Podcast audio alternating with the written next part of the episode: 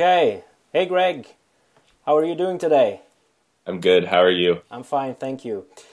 First off, thank you so much for agreeing to do this interview on the exercise squat. And before we get into the questions, um, could you briefly give us an introduction about yourself, your your background, and what you currently do? Uh, yeah, sure. So my name is Greg Nuckols. Um, I compete in powerlifting. I've I've been training for powerlifting for ten years now. Um, I have a degree in exercise and sports science. Uh, some of my best lifts include a 750 pound raw squat uh, that was with knee wraps in the 242 class, uh, which at the time was an all time record uh, in the drug tested division. Um, without knee wraps, I've squatted 725 in training, and previously before that, 650 in a meet at 220, um, which was five pounds off the all time world record, which I didn't actually know I was that close to it. If I would have known, I would have attempted 660, but whatever. Um, you win some, you lose some. So uh, I'm I'm a pretty decent squatter. Have a uh, strong educational background in exercise and sports science, uh, and I like talking about squatting. It's uh, it's probably one of my top five favorite things to discuss. So great, happy to be here. And you're, by the way, the squats are really impressive, and I've noticed that you don't squat in um, weightlifting shoes or Converse. You use something else. Uh, it kind of it kind of depends what mood I'm in. Actually, uh, I I do generally front squat in weightlifting shoes, and occasion, occasionally I'll do back squats in weightlifting shoes as well. Um, yeah, it really just depends what kind of mood I'm in. And then, um, yeah, typically though I do just use another flat soled shoe.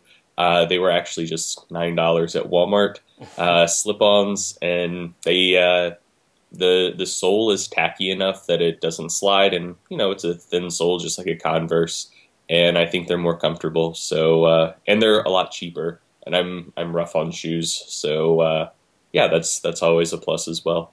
Okay, excellent. Okay, so first question. Um, based on a person's uh, anatomical structure, how do you decide which squat you should use?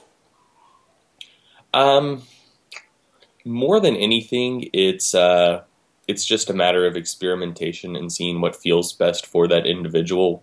Um, so the the two the two biggest factors that'll determine uh, what stance you need to squat with, whether you'll probably feel more comfortable with a front squat, high bar, low bar squat. Um, the two the two major factors are just uh, limb lengths relative to uh, torso length. So um, you know if you have really really long femurs relative to your uh, torso, then um, you'll probably have to lean forward quite a bit when you squat. And a lot of those people they don't feel very comfortable uh, low bar squatting because with the bar dropped a little bit further down their back, uh, that naturally inclines your torso a little bit more. And so, since they're already uh, bent way far forward in the first place, a lot of those people uh, they may feel more comfortable uh, sticking primarily with maybe front squats um, as their primary squatting variation or high bar squats. Um, and then the other thing is uh, hip anatomy. So um, there are a lot of just like different small factors here that add up. Uh, one is the shape of your pelvis, and then where your hip socket is actually located on the pelvis, whether it's uh, a little bit farther in front or a little bit farther around the side. Um, one is how deep that hip socket is, your acetabulum. Um, a deeper acetabulum uh, makes the hip a little bit more stable, but also it limits range, range of motion to some degree. Uh, then there's the angle that your um, that the head of your femur or that the neck of your femur comes off the shaft of your femur. Um, that level of inclination. So uh, either normal or coxa-vara or coxa-valga, just depending on uh, that angle that comes off. That'll um, largely determine, or not necessarily determine, but contribute to how much you can comfortably abduct your hips. Uh, so that'll that'll play into how wide you can squat. Uh, and then there are a few other things like uh, uh, rotation wise, where that neck of the femur is coming off the shaft of the femur. So not the angle it's coming off, but uh, kind of how far around uh, the side of the femur it is. Um, and then, uh, yeah, those are those are really the major factors in hip anatomy. And uh, I guess if I guess if you just really really wanted to, uh, you could get like an X-ray or MRI to look at that and say like, oh yeah, this is what kind of hip I have, so I'm going to squat like this. But really, you don't need to do that. You can you can largely figure that out uh, through trial and error. And so, um, essentially, this is this is what's primarily uh, going to contribute to uh, stance width and squat depth.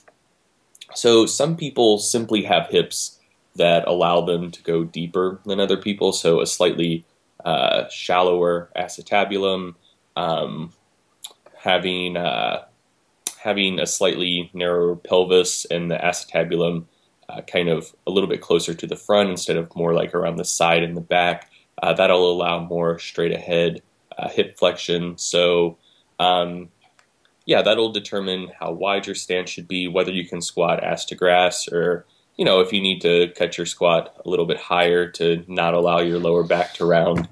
And um, yeah, it's uh, it's really not all that complicated. Just play around with different stance widths, see where you feel the most comfortable, uh, see how deep you can comfortably squat. Um, and then foot angle and knee angle, that's largely determined by how much you can comfortably abduct your hips.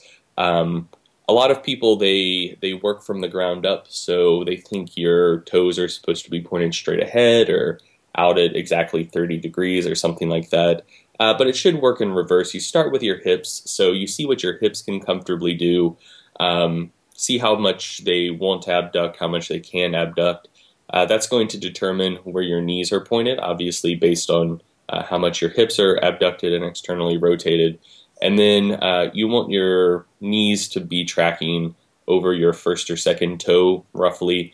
So um, once you see what your hips can do, that'll determine where your knees are pointed, and then that will determine uh, where you should point your toes. So just working from the hips down there.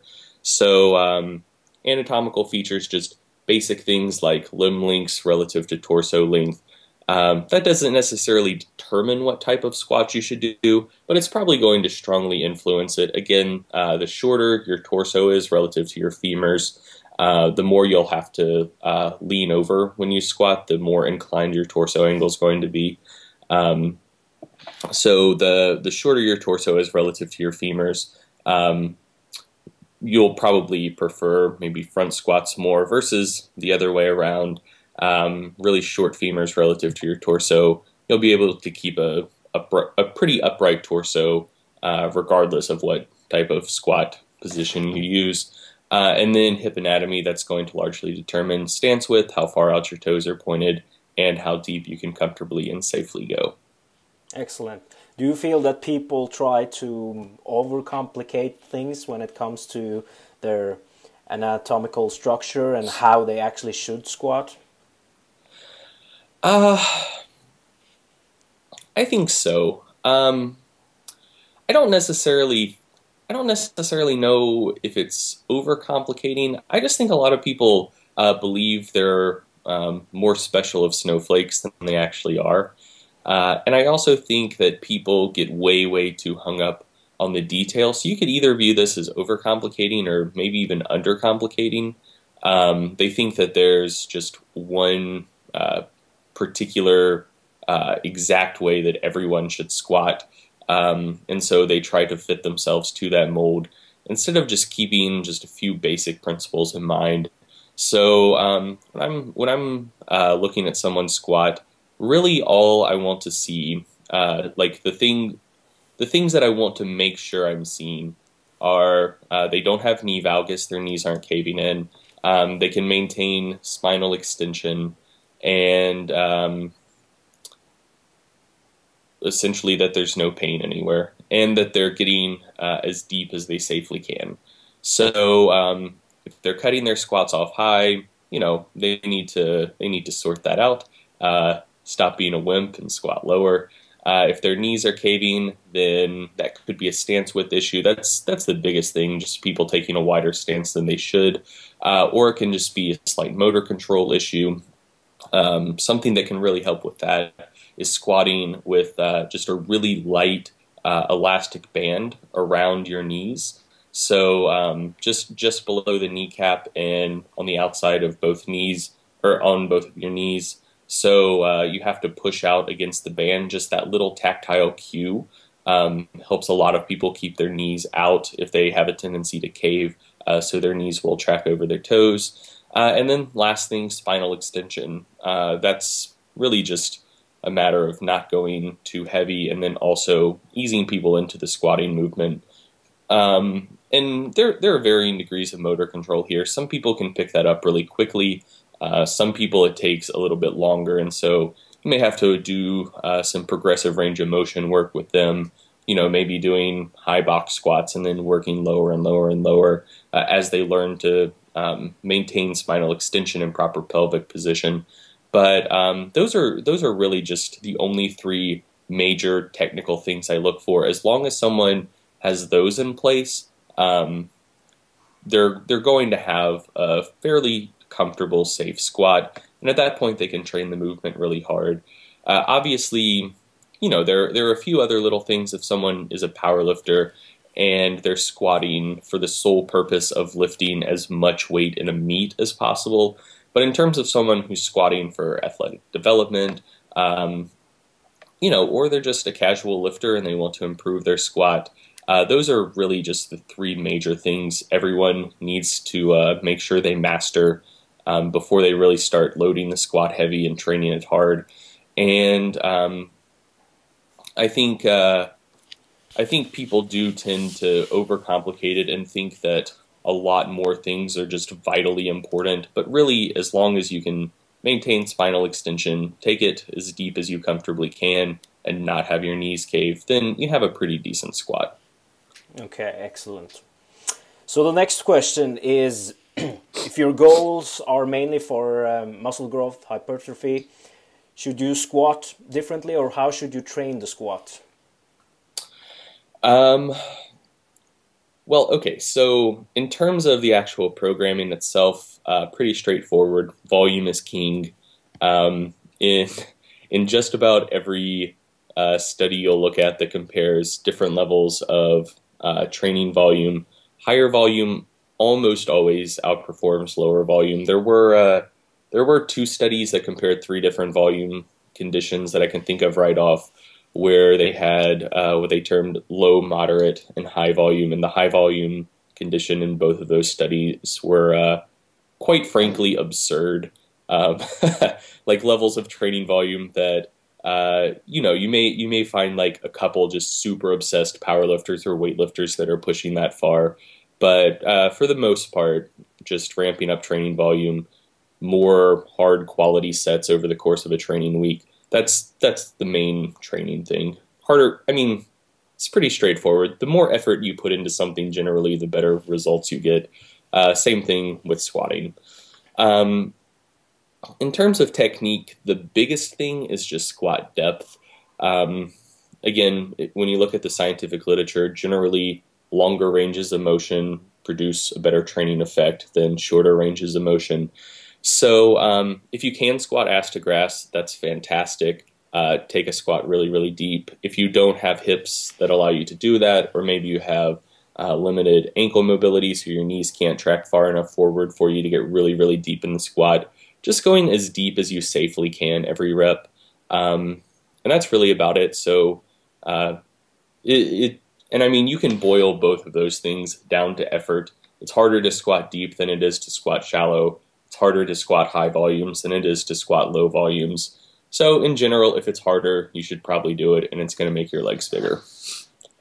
Okay.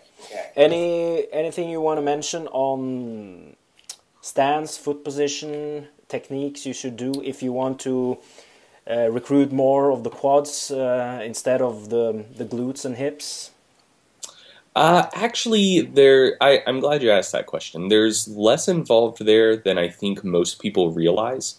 Um, it. I think it does mainly just become an issue of depth. Uh, and the reason for that is um, the reason for that is twofold. One, uh, th- this is a somewhat technical point, and um, if if anyone wants to read more about this, I suggest they pick up a copy of uh, oh, what's it called? I think I think it's called Biomechanics and Motor Control of Human Movement by Winter. Uh, it's whatever biomechanics textbook was authored by Winter. Uh, he he discusses this in a lot of detail, and it's quite understandable. Um, but with the hips and knees, people have a tendency, um, just because it's much much easier to just think about it uh, two dimensionally. So uh, you know, if you're looking at the squat, you're just looking at it side on you're looking at how far the hips are behind the bar, how far the knees are in front of the bar, um, looking at the moment arm between center of mass and then the hip joint and the knee joint, and um, just making calculations from there like, oh, how hard is this on the quads? How hard is this on the hips? When uh, really you need to be calculating those things in three dimensions, which can change the calculations uh, pretty substantially. Um, Escamilla, uh, Rafael Escamilla from Duke, um, had some work on this both with the squat, looking at different squat or uh, different stance widths, and also the deadlift, um, looking at conventional and sumo and how much uh, analyzing them in two versus three dimensions, how much that changed um, the outcomes when looking at the torque required at each joint.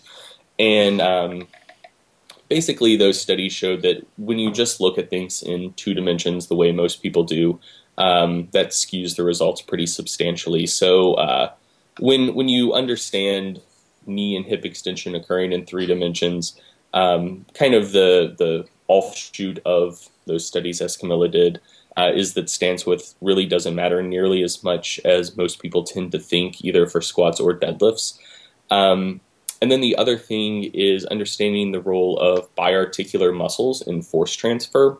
So your hamstrings and your rectus femoris, uh, they're what you call biarticular muscles, so they act at two joints. So the hamstrings are hip extensors and they're also knee flexors, and the rectus femoris is a hip flexor and also a knee extensor. Uh, that's in contrast to uh, monoarticular muscles like the rest of the quads. All they do is extend the knee, they only cross one joint. Uh, or the glutes, all they really do, eh, if you want to get into like how they attach to the IT band and tie into the lumbodorsal fascia a little bit, you could get a little bit more complicated. But for all intents and purposes, all the glutes do is extend the hip um, monoarticular muscle. So um, what those biarticular muscles do is uh, if you're maintaining tension on them, they help transfer forces from one part of the system to another. So uh, just take the hamstrings, since they do uh, insert on the top of the tibia and fibula uh, when the knee extends, um, that's going to that's going to put some tension on the uh, distal portion of the hamstring. So as long as you're maintaining hamstring tension, as long as it stays the same basic length, as the knee extends, that tension is then going to travel up the hamstring and actually help the hip extend as well, and vice versa with the rectus femoris. So what those biarticular muscles do is they really just tie the knee and hip together. And so if you look at um, the external torque, if you look at uh, just where the bar is relative to the knee and hip, uh, it can look like something is a lot, lot more knee dominant or a lot, lot more hip dominant. But really, what those biarticular muscles do is they help transfer the forces between the two joints. So basically, if something's uh, really hard on the hip, if the external demands on the hip are really high, uh, the quads can actually um, give aid to the hip via that hamstring and then vice versa uh, hip to the knee via the rectus femoris. And so, um, even when you compare movements that uh, look like there are much, much higher hip demands or much, much higher knee demands, um, it's uh, it's actually not all that different if you look at muscle activation. So if you compare uh, external torques to EMG, um, something that looks much, much more hip dominant, um, you actually, in general, find that uh, quad, glute, hamstring, EMG is quite similar, and that's because of uh, those biarticular muscles distributing forces throughout the system. So, um, really, those two things the um, looking at hip and knee extension in three dimensions rather than two, and the role of biarticular muscles. Uh, that really just builds a lot of redundancy into the system, and kind of the net effect is that um, biomechanically similar compound movements have pretty similar training effects. So, uh, wide stance squat versus a narrow stance squat, uh, there's really not that much of a difference. Just stick with whatever allows you the longest range of motion. Uh, high bar versus low bar, again, not that much of a difference. Just uh, when you're training for hypertrophy, just whatever allows you that longest range of motion, that's probably what's going to give you the best training effect. Um, and it's not really it's not really worth getting hung up on the details because of the redundancy built into the system due to those two factors. Excellent. Okay, let's move on to some questions on um, on footwear and equipment. Um, what footwear footwear do you usually recommend? Like, do you recommend weightlifting shoes or or, or Converse shoes or? Uh, really, that that is primarily just a matter of personal preference. Uh, whether you use a raised heel or a flat shoe, the most important thing is uh, you want it you want it to have good enough grip on the sole that your feet aren't going to slide. Obviously, uh, and you also want a solid sole instead of a cushy one. So uh, something like Converse's. Um, I've actually I actually squatted in skateboarding shoes for quite a while. Again, because they have a oh man, they were so comfortable. But yeah, they they also have a solid sole, so people can control their skateboard well.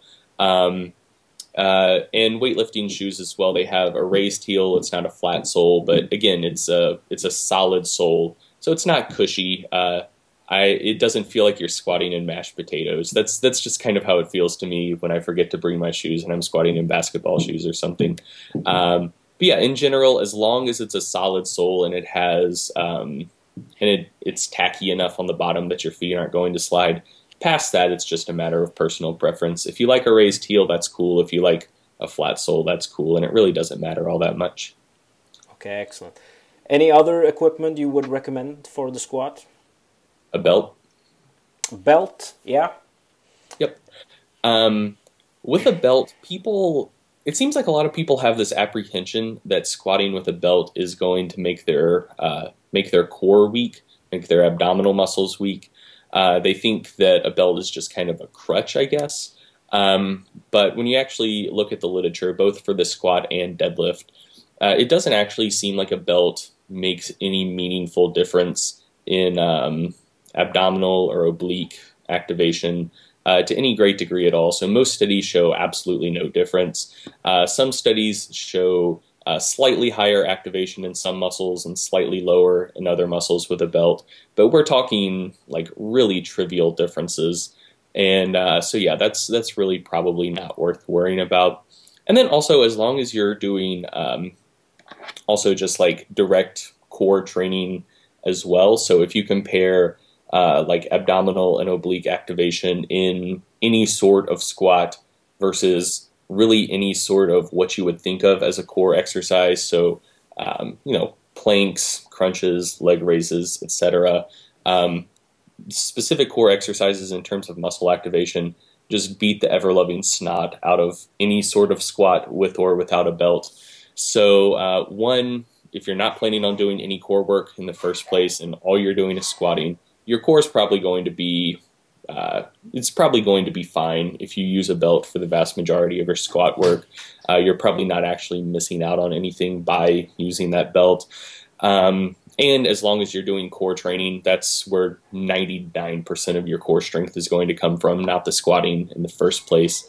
Uh, but there actually uh, is some research showing that squatting with a belt can uh, increase muscle activation slightly in the lower body, so um, hip extensors, quads, uh, not to a great degree, but to some degree.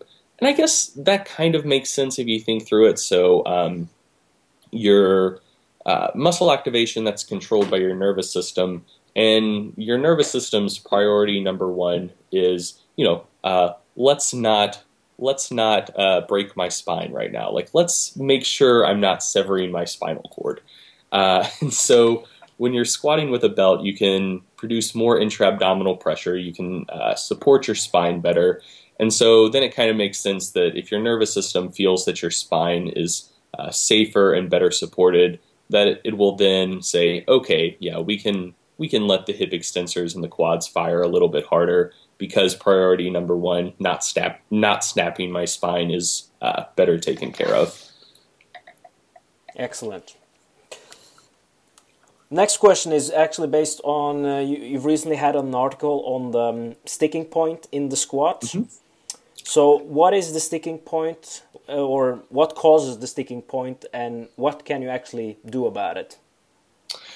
Okay, so um, sticking point for the vast majority of people in the squat uh, occurs a little bit above parallel so most people, when they squat down, they can get the bar moving out of the hole, and then there's just kind of a dead area, um, you know, somewhere between maybe one and six-ish inches out of the hole, where um, that's if you fail a lift, that's just where you're most likely to fail uh, fail that lift. and uh, the the main cause of that is just simply um, your knees are already fairly extended at that point, so um, your uh, your quads they're they're not taken out of the lift. Don't think of it that way. But they've uh, they've already done most. They've already accomplished their uh, most difficult role in the squat. But your hips are also uh, about as far behind the bar at that sticking point as they were in the hole, or maybe even slightly farther behind if your knees are kicking back.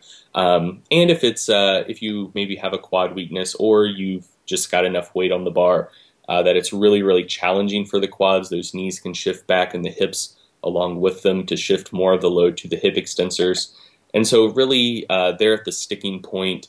Um, it's still very, very challenging for the hips, and you're not getting quite as much out of your quads anymore and so it's uh, just it's just biomechanically the weakest position. Um, it's just the weakest part of that range of motion, and that's why most people stick there.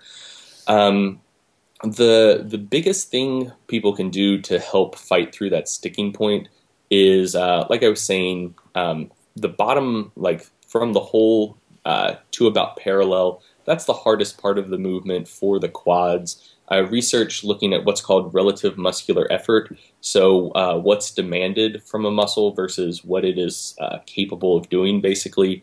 Um, that it, it verifies that there at the bottom of the squat is by far the hardest part of the movement for the quads. And so, um, essentially, when you're above parallel, when you're out of the hole, but you're there at the sticking point, um, your quads then have a little bit more juice that they that they could contribute to the movement. So uh, what you can do is really try to drive your hips back under the bar. Um, so you're still at a point where your hip extensors are limiting you. That's what ultimately fails uh, and makes you miss the squat there at the sticking point.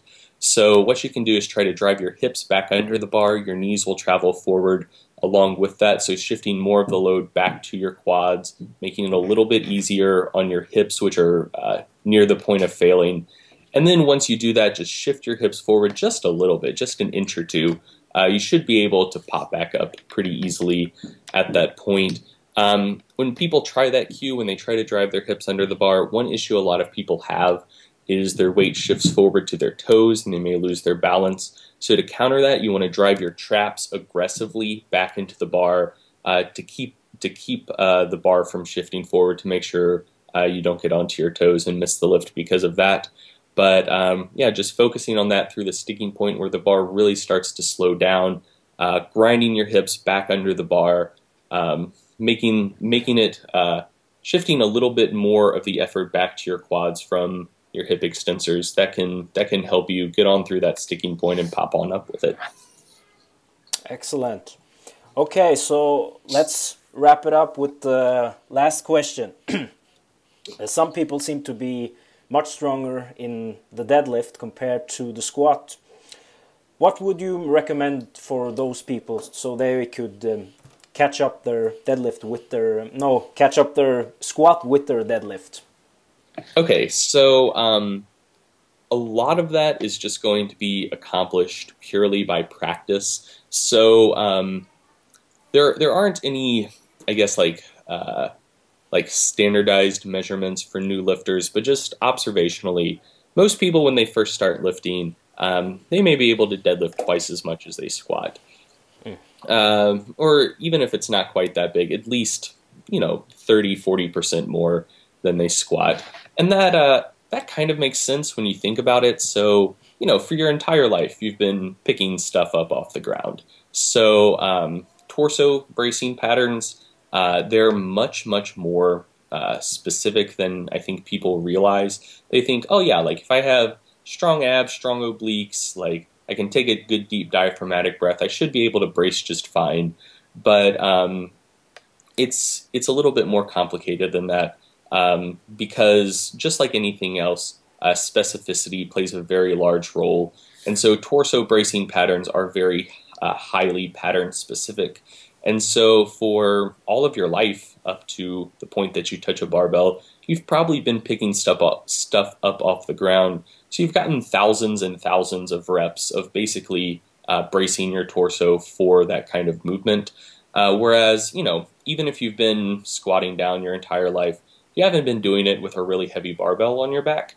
Uh, so you just you just don't have that same uh, that same uh, level of proficiency with that bracing pattern. So uh, it doesn't it doesn't come nearly as naturally to a lot of people. Um, when you compare uh, new lifters who are, who are just squatting heavy for the first time to really really highly proficient lifters, you don't see nearly as big of a gap. So um, I, I, looked at the last three years of uh, IPF Raw World Championships, um, the the data for the lifters there, and instead of that really big gap you see with new lifters, with those very, very highly trained, highly proficient lifters, uh, the gap is much closer to about a 10% gap. Um, so they're they are still deadlifting more than they squat, but they're only deadlifting about 10% more than they squat. Um, so a lot of it is just going to be remedied by getting more reps in the squat. You know, uh, the more you do it, the more uh, just naturally proficient you're going to get at bracing for that movement that's going to take care of a lot of it. Um, another thing that a lot of people can do is um, it's it's not quite as specific as back squatting, but getting more reps with the front squat. It's still an axially loaded squatting movement, uh, and it is also much more uh, demanding on your torso musculature than a back squat is. So uh, people who just feel very, very just uncomfortable squatting there's a big gap between their squat and deadlift, and the squat just doesn't feel natural. Uh, doing some front squats for a while um, to, to uh, really challenge that bracing pattern uh, in a manner that's fairly similar to a back squat, uh, that can help quite a bit as well. Um, but uh, and the other thing is that cue I was talking about to fight through the sticking point. That that can also help uh, quite a bit. When you really think about it, most people, their sticking point for the squat, uh, where their shoulders are, where the bar is resting, um, just vertically, that's above where their starting point for the deadlift is. So um, at the point you're missing a squat, the bars actually, if you compare that position to a deadlift, that would be like starting a deadlift from roughly mid shin or so. And so uh, the hardest part of the deadlift for most people is just breaking the bar off the floor. So the squat should actually be a bit easier than the deadlift. Um, and also, when you hit that sticking point of the squat, the bar is already moving. You don't have to, you know, overcome inertia to get that bar moving like you do for the deadlift. And the other advantage of the squat is that um, your knee and shin position isn't fixed. You can drive your hips back under the bar, push your knees forward, along with it, whereas you can't do that with the deadlift. If your knees move too far forward, that's going to push the bar in front of your feet, you lose your balance.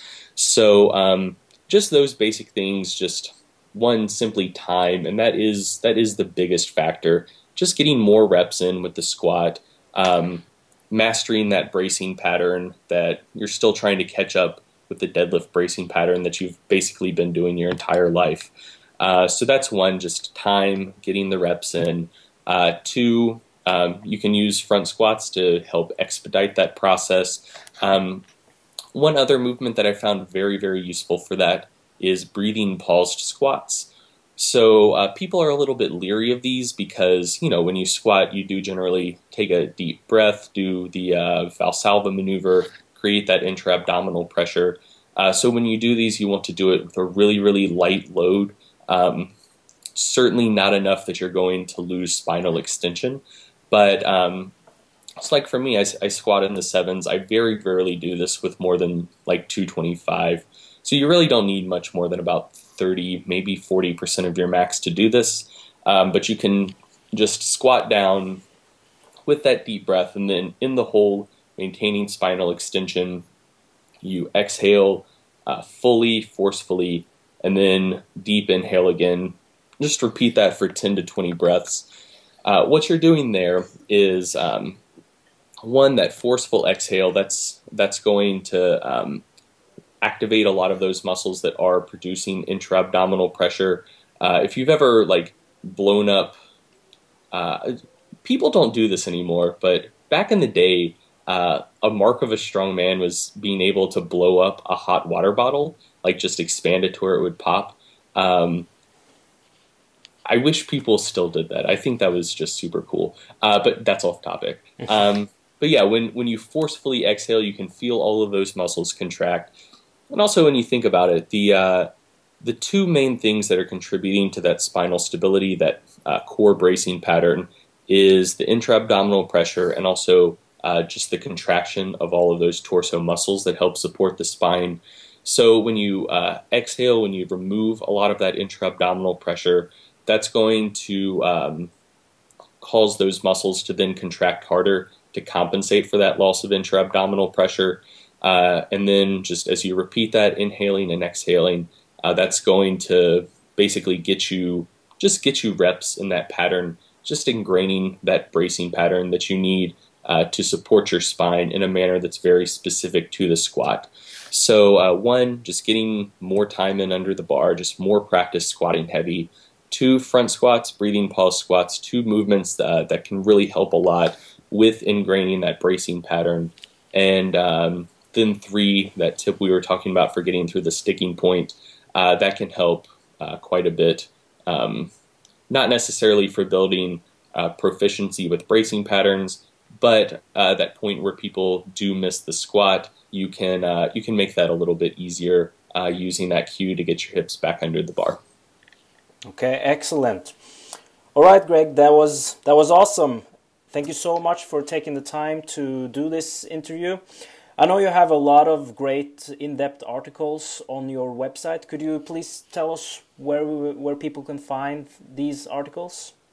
Yeah, it's at uh, strengtheory.com, uh, and so it's a mashup of strength and theory. But there's only one th, and instead of like string theory, like in physics, it's spelled with an e instead of an i. Uh, you only get one chance to make your business name a pun, and so I had to go for it. Yeah. Uh, so strengtheory.com is my website, and that's uh, that's where I post almost all of my articles. Excellent. I'll put a link in the description below the video. Once again, thank you so much, Greg, for taking the time, and um, have a nice day. Thanks, man. You too. Thanks for having me. Thank you.